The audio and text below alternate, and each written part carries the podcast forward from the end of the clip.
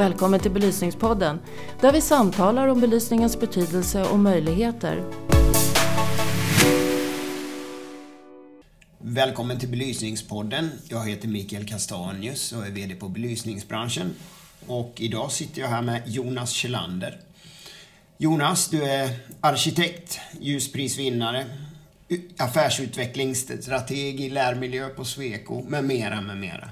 Hur brukar du presentera dig själv? Jag brukar nog presentera mig som arkitekt. Eh, numera så sägs det att jag får kalla mig för ljusdesigner också, men jag har ju inte den utbildningen. Men jag jobbar ju mycket med ljusdesign eftersom, ja det borde ju alla arkitekter göra, hela tiden. Jonas, jag ska läsa ett citat som vi hittat här i Expressen. Jonas har mer än någon annan arkitekt i Sverige kommit att representera barnens perspektiv i förskolebyggandet.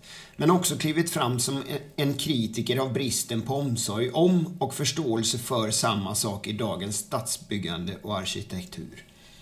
Och du har ju sedan många år eh, valt att specialisera dig på inredning och ljusplanering i läromiljöer. Hur kommer det sig och vad har du fått det här intresset för just skolor?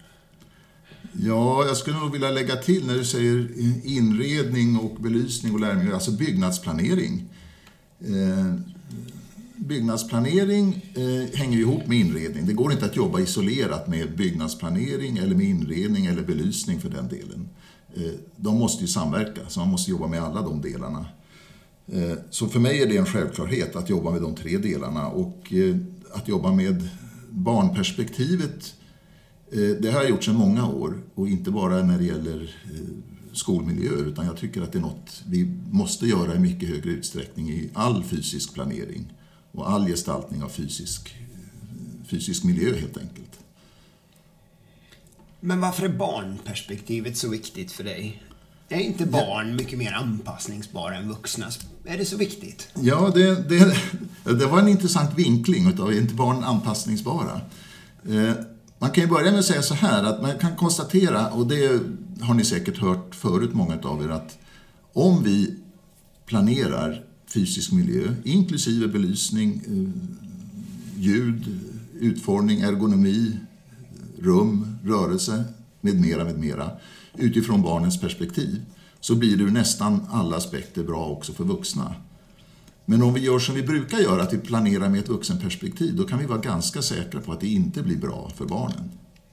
Så att, att ha den utgångspunkten känns som en självklarhet. Till det kommer ju också då att, att eh, vi vet ju att de tidiga åren är så otroligt viktiga för resten av livet. Alltså de, man kallar det för de formativa åren. Och det är ju, då är det ju framförallt förskolan eh, som berörs när man pratar om den perioden.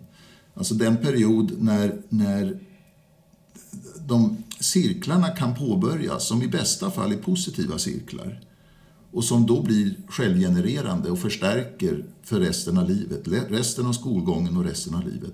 Men också om det blir fel, att det sätts igång negativa cirklar som också blir självgenererande och förstärker sig själva framöver.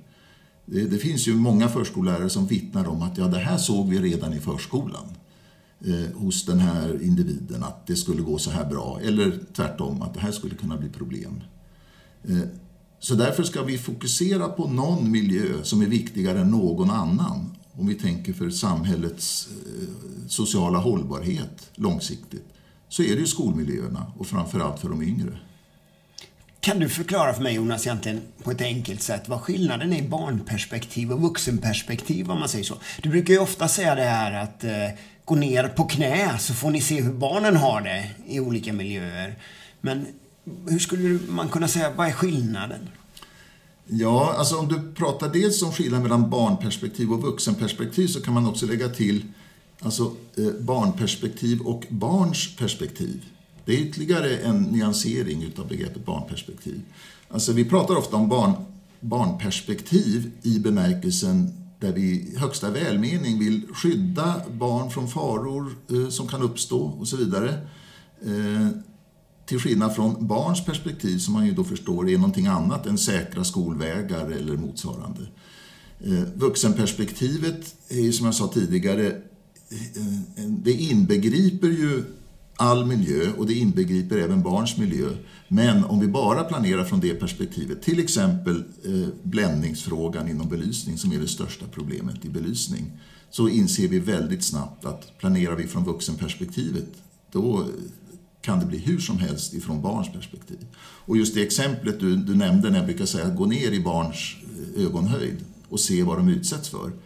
Eh, det är så talande så att jag tror att alla som provar det kommer att bli förskräckta och se att här måste vi göra någonting. För att även om barn tål bländning mer än äldre personer som är känsliga för bländning så är de desto mer utsatta. Och det gäller alla miljöer, inte bara skolan. Men hur ser det ut i Sverige generellt idag upplever du i skolorna? Jag var hemma i min gamla skola i Gånghester och kikade in genom fönstren. Jag inbillade mig att det var samma belysning som när jag gick där. Mm. Eh, jag vet inte. Är vi ett föregångsland på det här eller ligger vi efter? Allting är ju relativt. Eh, så att om, vi skulle, om jag skulle säga att vi var ett föregångsland så skulle det inte säga särskilt mycket därför att det inte bättre på andra håll, vad jag har kunnat se.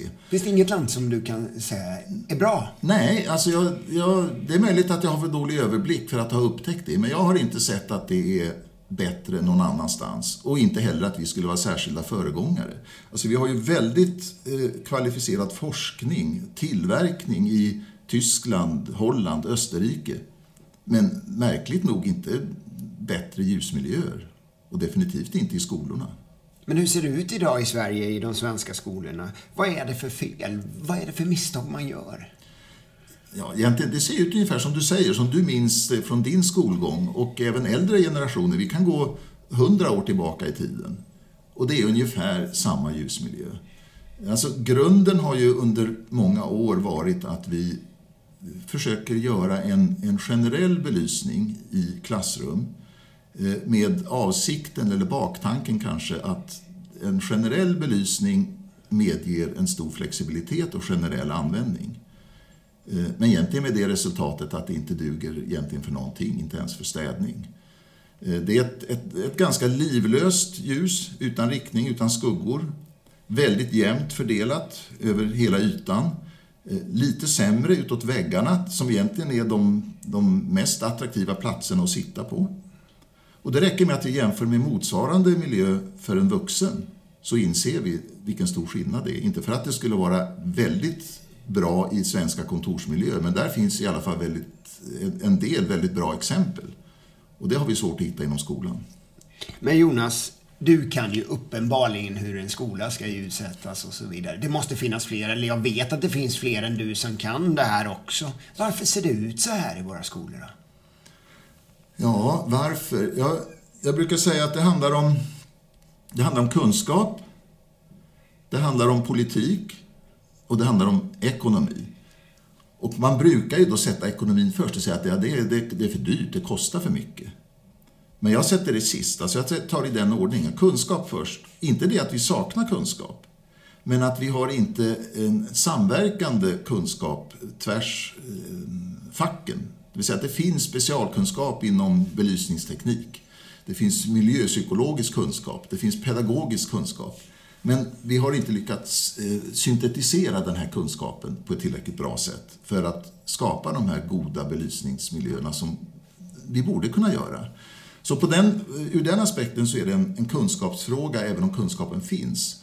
Och av det följer att ja, men då är det en politisk och organisatorisk fråga också. Och i sista hand faktiskt en ekonomisk fråga. Det handlar inte om att vi inte skulle ha råd eller att det skulle vara orimligt dyrt. Tvärtom så är ofta en kvalitetsbelysning, den betalar sig och den blir billigare efter tre fyra år. Även om den kanske är lite dyrare i den första installationen. Ja, man hör ju ofta det att man, det är för dyrt, man har inte råd så att säga. Men det är ju bara själva första skedet när man ska köpa in belysningen möjligtvis det kan bli en stor kostnad. Annars är det väl ingen mm. kostnad egentligen. Det är en investering både i humankapitalet och energibesparing och allt möjligt med modern belysningsteknik. Så jag förstår inte varför det kommer upp hela tiden. Nej, nej men då är vi tillbaka till det. Det är kunskap och kanske den här breda kunskapen också om ljusets och belysningens betydelse.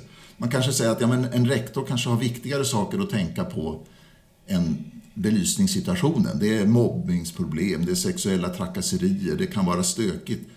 Ja, det är därför att man inte då tillräckligt har insett att det här hänger ihop med belysningen också. Alltså investering i belysningen, det är en investering i social hållbarhet. Och det är den kopplingen som, inte, som man inte alltid inser. Väldigt mycket diskussioner om bullriga miljöer och sånt, men man hör aldrig diskussioner om belysning nästan. Jag har aldrig hört den i mina barns skolgång. Nej, nej. Och det är ju ganska märkligt. Alltså, det har ju blivit en självklarhet nu i projekt till exempel att man kopplar in en, en akustiker. Därför att ljudmiljön är en, en, en sammansatt problematik som kräver expertkunskap. Man har en brandkonsult som tittar på brandfrågan ur ett, ett brett perspektiv. Men när vi kommer till belysningssidan, ja, där borde vi ha en ljusdesigner eller någon som har en väldigt bred kunskap om ljus och ljusmiljö. Som en konsult eller som en part i ett byggprojekt. Man skulle kunna säga, med all respekt för elkonsulter, elektriker, men belysning är en alltför allvarlig fråga för att lämnas enbart till elkonsulter och elektriker.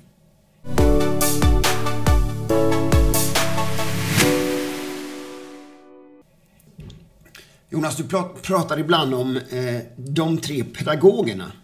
Vad är det för någonting? Ja, det är ett, ett uttryck som används generellt i den pedagogiska världen men som myntades egentligen i, i Reggio Emilia-pedagogiken. Där man pratar om första, andra och tredje pedagogen. Eh, den första pedagogen är eleverna, barnen själva. Om man tänker efter så förstår man det att så måste det vara. Det vet man ju av erfarenhet. Det är när, när barn själva får ställa frågan. Då är man motiverad att söka svaret. Och då kommer man ihåg svaret. Till skillnad från om man har en, ett, ett förutbestämt mall man ska fylla i. Nu, idag ska du svara på den här frågan och vi vill ha det här svaret. Det är någonting annat än när barnen får styra och lära sig själva eller lära varandra. Det vet vi att när vi ska förklara för någon annan, det är då vi lär oss som bäst. Så på det sättet säger man att barnet är den första pedagogen. Den andra är personalen, pedagogerna. Eh, eh, de vuxna pedagogerna på plats. Och de har ju en oerhörd betydelse. Alltså det, man skulle till och med kunna eh, hårdra det och säga att de har en avgörande betydelse också över den fysiska miljön. Alltså det finns pedagoger som gör ett fantastiskt arbete i väldigt torftiga miljöer. Och det finns väldigt dåligt arbete som pågår i aldrig så bra och välplanerade fysiska miljöer. Så att de kommer som nummer två. Men den tredje pedagogen då, det är den fysiska miljön, inbegripet belysning. Eller snarare sagt framför allt belysning, för att belysning är det viktigaste verktyget i utformningen av den fysiska miljön. Och det är den tredje pedagogen. Och som också har en, en, en betydelse som är svår att överskatta faktiskt. Så det är ju en, en, en, eh, den fysiska miljön och då framförallt belysningen är någonting som påverkar oss allihopa. På, själsligt, på djupet och som därför också påverkar vårt beteende, vår hälsa, vårt välbefinnande. Alla sådana saker som är en förutsättning för inlärning och utveckling. Men om rektor eller annan skolpersonal kommer till dig och frågar vad är det viktigaste att göra? Var ska jag börja med i min skola? V vad måste jag ta tag i? Vad är, mm. vad är de korta svaren du brukar ge? Då? Eh, ja, då får vi kanske särskilja om vi pratar om en nybyggnad eller en ombyggnad. Eh, eh, så det kan vara lite olika angreppssätt, men, men vi har ju en jätteutmaning framför oss. Dels om vi nu ska bygga någonstans mellan 1000 och 1500 nya, nya skolor på tio år. Plus att vi ska lyfta alla de befintliga skolor som är den stora majoriteten av de som kommer användas inom överskådlig framtid. Och får jag då en fråga, vilket jag ofta får, eller man, man, man, besöker skolor som är nedgångna, slitna, ibland direkt ovärdiga miljöer som ingen vuxen skulle acceptera att arbeta i. Och så ursäktar man sig och säger, ja men vi ska, vi ska rusta upp, vi ska måla om, vi ska skaffa nya möbler, eh, eleverna ska få sätta upp gardiner, ja, massa sådana exempel. Då brukar jag säga, ja men det mest effektiva ni kan göra per satsad krona, det är att eh, jobba med belysningen. Byt ut belysningen, eh, måla med belysningen, möblera med belysningen. Ni får så mycket på köpet till en ganska enkel åtgärd. Och så dessutom sparar vi energi. Så att egentligen borde det vara väldigt enkelt. Det är svaret till den rektorn så att säga. Måla med belysning och möblera med belysning, vad, vad menar du med det? Ja, att, att, måla, måla med belysning det inbegriper ju något, något, något väldigt brett. Måla och möblera. Då får man nästan gå tillbaka till liksom grundläggande kvalitetsbegrepp inom belysning för att förstå lite närmare vad jag menar med det. Men att eh, belysning handlar ju om att skapa ett välbefinnande i den situation man befinner sig. Det vill säga att, att belysningen kan hjälpa till med rumsuppfattningen, med, med, att, med orienteringen, att bedöma avstånd, eh, Eh, att uppfatta det man, man arbetar med, eh, eh, att kunna fokusera på någonting, att inte bli bländad. Man brukar säga att, att det goda ljuset är det som har reflekterats mot någonting som du vill se, som du vill uppleva. Det innebär att det ljuset som kommer direkt från ljuskällan in i dina ögon, det är ett dåligt ljus. Det är kanske bara i julbelysning eller sådana situationer som det är ett självändamål. Annars är det det reflekterade ljuset. Och på det sättet, om vi då jobbar med det i bakhuvudet, då målar vi med belysningen. Vi jobbar med vertikalbelysning på väggarna. Vi, vi möblerar i den bemärkelsen att vi försöker samordna belysningen med eh, möblernas utformning och möblernas placering. Eh, om vi sätter, som vi gör traditionellt, långa rader av lysrör i ett klassrum så är det klart att det lockar ju egentligen inte till någon annan möblering än långa rader av bänkar där man sitter och tittar på varandras ryggar. Alltså det finns ett, ett, ett samspel mellan möbleringens eh, utformning, möblernas utformning, placering och belysningen. Och där tror jag ju mycket på att den nya tekniken kommer att kunna utveckla det här på ett väldigt bra sätt där vi kan få ett samspel mellan möbler och belysning, att de pratar med varandra med the internet of things, så att säga. Så att man inte behöver känna det här att ja, men vi har en låst belysning här och då måste vi låsa möbleringen, eller tvärtom. Du nämnde också innan belysning, eller ljus och belysning kanske man ska säga, som pedagogiskt verktyg. Det, det låter ju väldigt spännande. Vad, kan du utveckla lite kring det?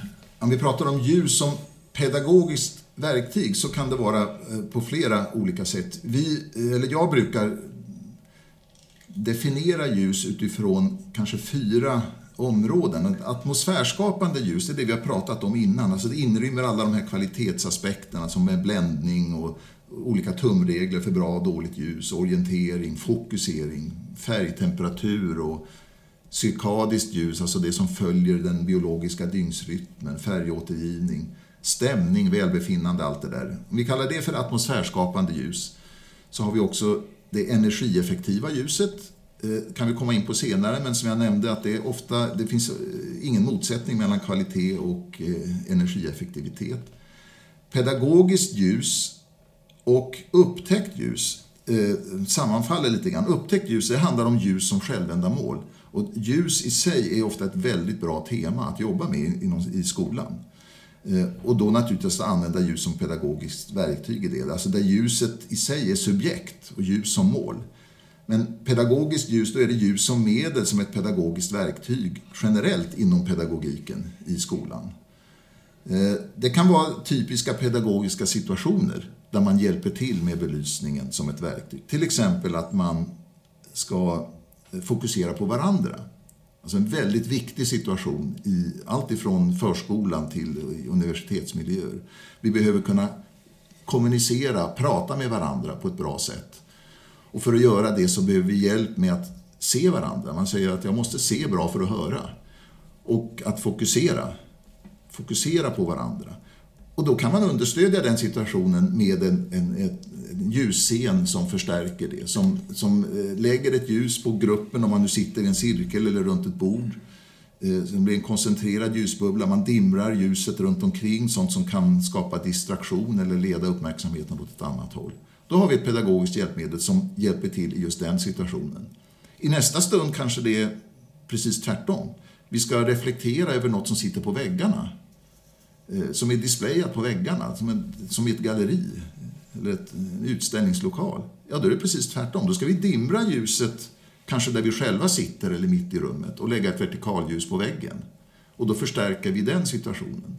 Eller så är det någon som ska presentera någonting och eh, läraren eller någon elev och så vidare.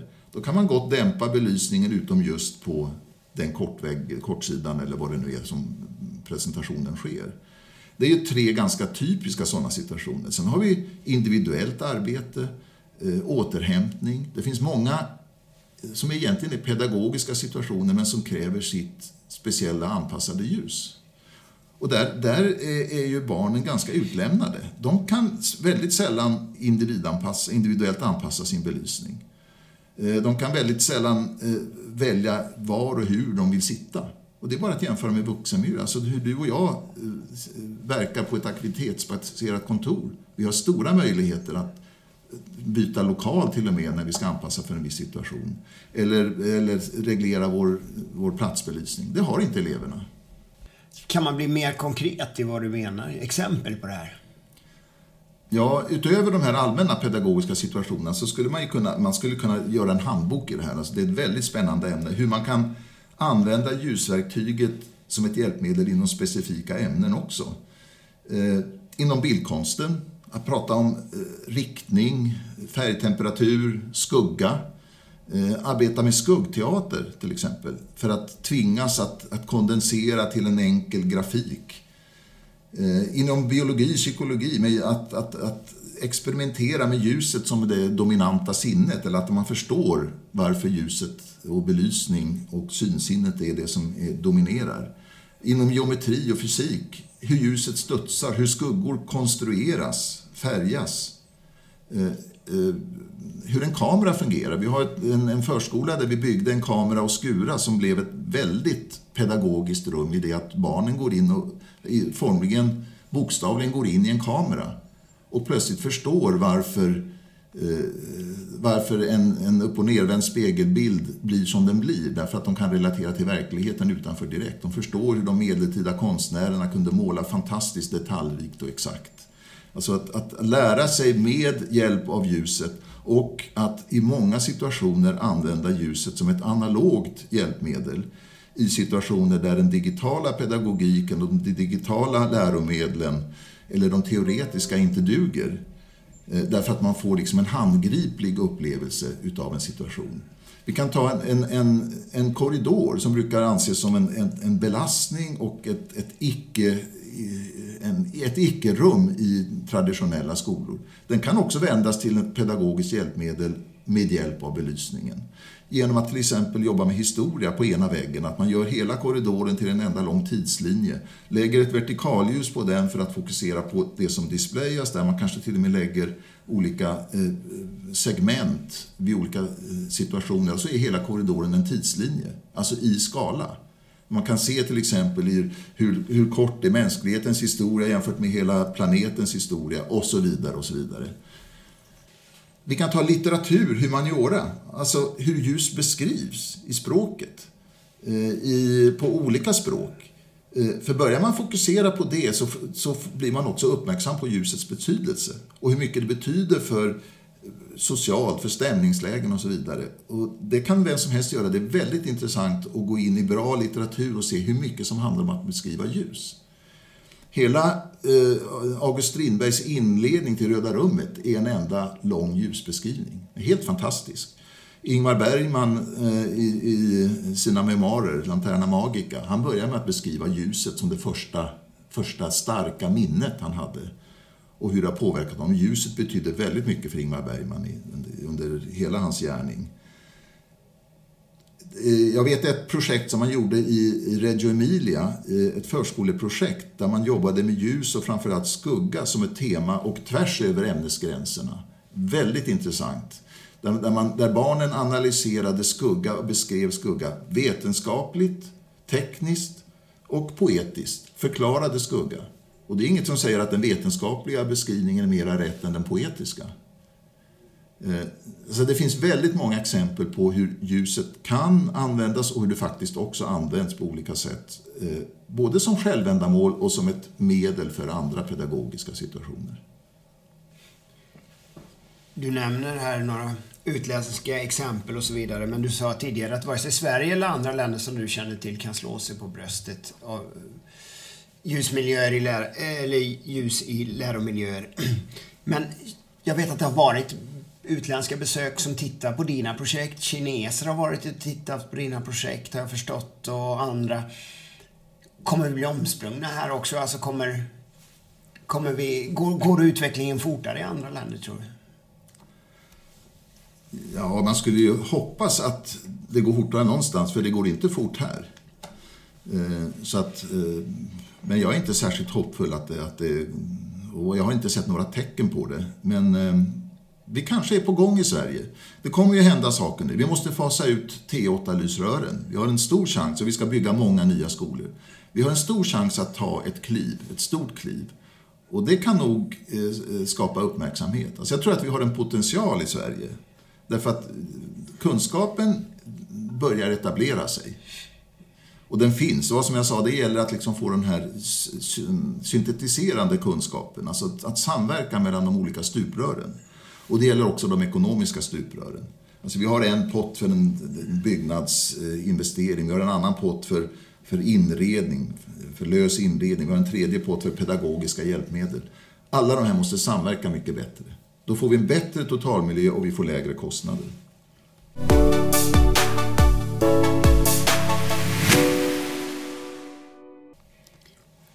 Jonas, du har ju vunnit flera priser för dina projekt. Eh, senast var det Ekonomikum i Uppsala som du vann eh, ljuspriset för. Eh, och det är ju en helt speciell miljö. Du nämnde lite kring hur viktigt det är med det här med universitetsmiljöer och så vidare. Men vad är, vad är så unikt med det här att projektet i Uppsala så att det vinner pris? Ja, jag skulle säga att det är väl kanske eh, lite ovanligt på flera sätt. Eh, det här handlar om två läsesalar. Eh, och eh, den ena, eller studiesalar skulle jag vilja kalla det för. Det inbegriper mycket mer, men en studiesal inbegriper alltså analoga hjälpmedel lika väl som digitala. Och det är två utrymmen. Det ena är ett, ett, ett socialt utrymme kan vi säga. Så för kollaborativt arbete, man arbetar i grupp, man, man umgås, man fikar och så vidare. Och det är ett väldigt ljust rum. Och sen finns det det inre rummet som är eh, ett aktivt skyddsrum faktiskt. Ett stort skyddsrum, helt utan dagsljus. Och det är det som då den, är den traditionella läsesalen. Alltså en studiesal för enskilt arbete eller möjligen att man kan sitta två och två lite grann. Men det ska vara ett tyst rum för enskilt arbete och det ska kunna fungera för både digitalt och analogt. Och en studiesal idag handlar mycket just om det, att vi måste kunna pendla snabbt och momentant mellan det digitala och det analoga. Likaväl som vi måste kunna pendla snabbt mellan det enskilda och det kollaborativa. Man vill testa saker med, med kollegorna eller kamraterna och, och diskutera och sen vill man gå tillbaka och, och kontemplera, fundera, skriva, läsa vidare och så vidare. Och man behöver kunna anpassa sig för det digitala eh, och det analoga. Och då måste man kunna anpassa belysningen därefter. Och en läsesal är ju ofta ganska dunkel. Eh, I det här fallet har vi drivit det ännu längre. Alltså istället för att försöka kompensera, säga okej, okay, vi har inget dagsljus, vi måste skapa konstljus, konstgjort dagsljus här och vi måste som vräka på. Så, så eh, gör vi precis tvärtom. Att vi jobbar med det dunkla i botten. Alltså eh, en påtagligt låg allmänbelysning. Det är ju så att när man kommer in i rummet så tycker man att det är ganska mörkt. Men ögat adapterar sig ganska snabbt och man finner också att i de här olika situationerna där man kan sitta på mm, i praktiken fem olika sätt rent ergonomiskt så kan man också alltid anpassa belysningen individuellt och för det, det man håller på med, analogt eller digitalt. Eh, och det är ett självändamål naturligtvis att kunna anpassa. Det är också ett självändamål att kunna sitta på olika sätt när man har långa studiepass. Och eh, att variera belysningen är i sig ett självändamål. Eh, man kan tycka att kontrasterna också är väldigt stora mellan eh, närområdet, arbetsområdet och allmänbelysningen runt omkring. Men det ligger ganska nära de rekommenderade, åtminstone gäller belysningsstyrka enligt Arbetsmiljöverket, alltså förhållandet 5.3.1 med 500 lux på arbetsytan. Eh, det är ju också så att vi, om vi pratar om, när man pratar om en jämn belysning i ett klassrum, så kan det faktiskt i praktiken bli så att det är starkare belysning vid sidan av än på den aktuella arbetsytan. Och eftersom tapparna, alltså i det perifera seendet, är mera ljuskänsliga så behöver vi egentligen mindre ljus i periferin. Så det förstärker ytterligare det här att om vi har ett jämn, jämn belysning i rummet så kan det vara svårare att fokusera på det som är själva arbetsytan. Så det där har vi egentligen drivit till sin spets på Ekonomikum att, att variera belysningen så mycket. Så jag tror att när man, har, eh, när man har suttit där en stund, då, då finner man det väldigt behagligt och det är väldigt... Man blir inte lätt distraherad av något ovidkommande på det sättet. Och ovanpå det då så tror jag att det påverkar beteendet så att det verkligen fungerar, att det är tyst i rummet. Alltså det dunkla allmänljuset i sig gör att röstlägen, man, man känner liksom, här är det tyst. Sen finns det andra saker som påverkar det också, att man, det är en skofri miljö, man tar av sig skorna när man kommer in och så vidare. Men ljuset spelar en stor roll till hur vi beter oss. Jag vill påstå att det här är ett alldeles fantastiskt projekt, men väldigt unikt bland våra högskolor och universitet idag. Hur lyckades ni ro det här projektet i mål? Och hur kom det igång så att säga och hur fick ni upp intresset och mm. hur jobbade ni med det här? Eh, utmaningen var ju naturligtvis eh, stor för Akademiska Hus att eh, få till, alltså man behövde eh, läsesalar. Eh, som det nu är så sitter många liksom i väldigt torftiga miljöer, man sitter i korridorer och hit och dit. Så man behövde utöka eh, den kapaciteten. Men att då ge sig på ett skyddsrum i en källare helt utan dagsljus och investera i en ombyggnad där och riskera att det inte används, det ville man inte råka ut för. Alltså det fick inte gå fel. Så därför kan jag tänka mig att det fanns en lyhördhet för att, att satsa lite extra. Eh, vi måste lyckas helt enkelt. Det, måste, det får inte bli så att det här är ett, ett, ett, något som ratas av, av studenterna. Så det kan vara en förklaring, tror jag. Eh, en annan förklaring som kanske gavs av tillfälligheterna var att det var en, en, en inte eh, alltför pressad tidplan. Så att processen medgav att vi kunde göra lite trial and error på plats. Vi kunde ta in provarmaturer, testa, se att ah, det här är inte riktigt bra, vi behöver en smalare spridningsvinkel eller vi behöver rigga det på ett annat sätt. Alltså sånt som egentligen borde vara en självklarhet när vi planerar belysning, lika väl som vi brukar provmåla eh, invändigt och utvändigt och testa eh, innan vi beslutar, så borde vi kunna göra det med belysning. Så både när det gäller belysning och det gäller utformning, möbler och så vidare så, så medgav tiden att vi kunde testa oss fram. Och att de inblandade kunde, alltså byggmöten och projmöten var samma sak. Så att de inblandade, både leverantörer, installatörer, byggare och konsulter, löste saker ganska mycket på plats medan det pågick. Eh, och då är också den svagaste länken väldigt stark. Då blir ju resultatet därefter. Så att det var väldigt eh, motiverade, ambitiösa i alla led och alla olika sektorer som och jag tror också bidrog till det här. Är det något i projektet som du är väldigt nöjd med? Något som har överraskat dig, som blir bättre till och med än vad du hade förväntat dig? Ja, responsen har ju blivit... Eh, vi hade stora förväntningar, men responsen har ju blivit ännu större. Eh, så det är väldigt uppskattat eh, bland studenterna. Eh, jag har ju fått höra att det är, lokalerna lär vara öppna från fem på morgonen till två på natten. Vi har ju en, för de som har sett bilder på det så är, det, är rummet centrerat med en levande eld, en gasbrasa som ger en karaktär till hela rummet. Alltså en behaglig, rofylld karaktär, men som också har en, en poäng rent, rent eh, fysiskt i det att när man sitter väldigt länge och koncentrerar sig med närseende så blir ögonen väldigt ansträngande. Och man behöver kunna vila blicken på någonting som är, ja, helst åtminstone sex meter bort för att eh, ögonmusklerna verkligen ska slappna av. Så det påverkar väldigt mycket. Och det kanske också är sånt som har bidragit till populariteten.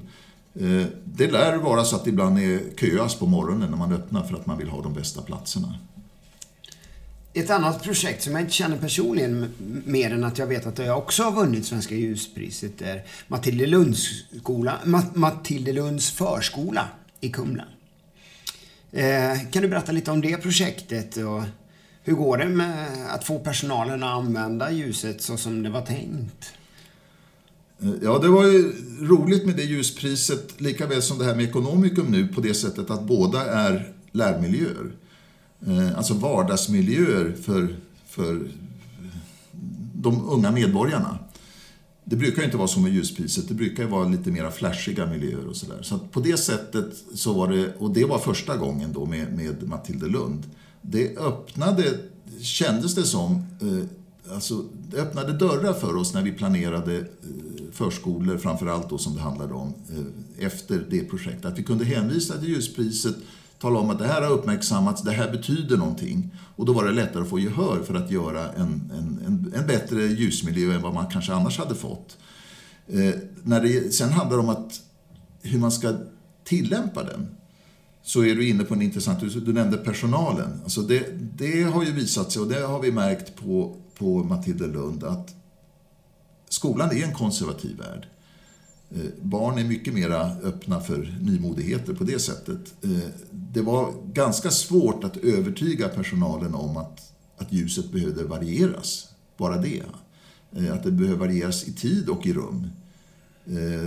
Man kunde få sådana kommentarer. Ja, men det här hörnet här borta är ju, är ju mörkare än den här ytan. Det måste vi väl fylla på där. Och i viss mån hade de rätt, i viss mån gjorde vi det också. Men att liksom få, börja få in det tänket att ibland är det ett, ett, en poäng att det är lite mörkare någonstans och att det blir en variation. Och att man kan eh, variera själv genom att, att eh, i det fallet var det en ganska enkel styrning. Fyra knappar, fyra olika scenarios. Men även det krävde mycket upprepning, eh, flera tillfällen med personalen för genomgångar för att förklara. Och efter ett och ett halvt år ungefär så började jag få liksom där respons. Ja, men nu börjar vi förstå. Nu, nu använder vi det. Men långt dessförinnan så hade ju ungarna fattat.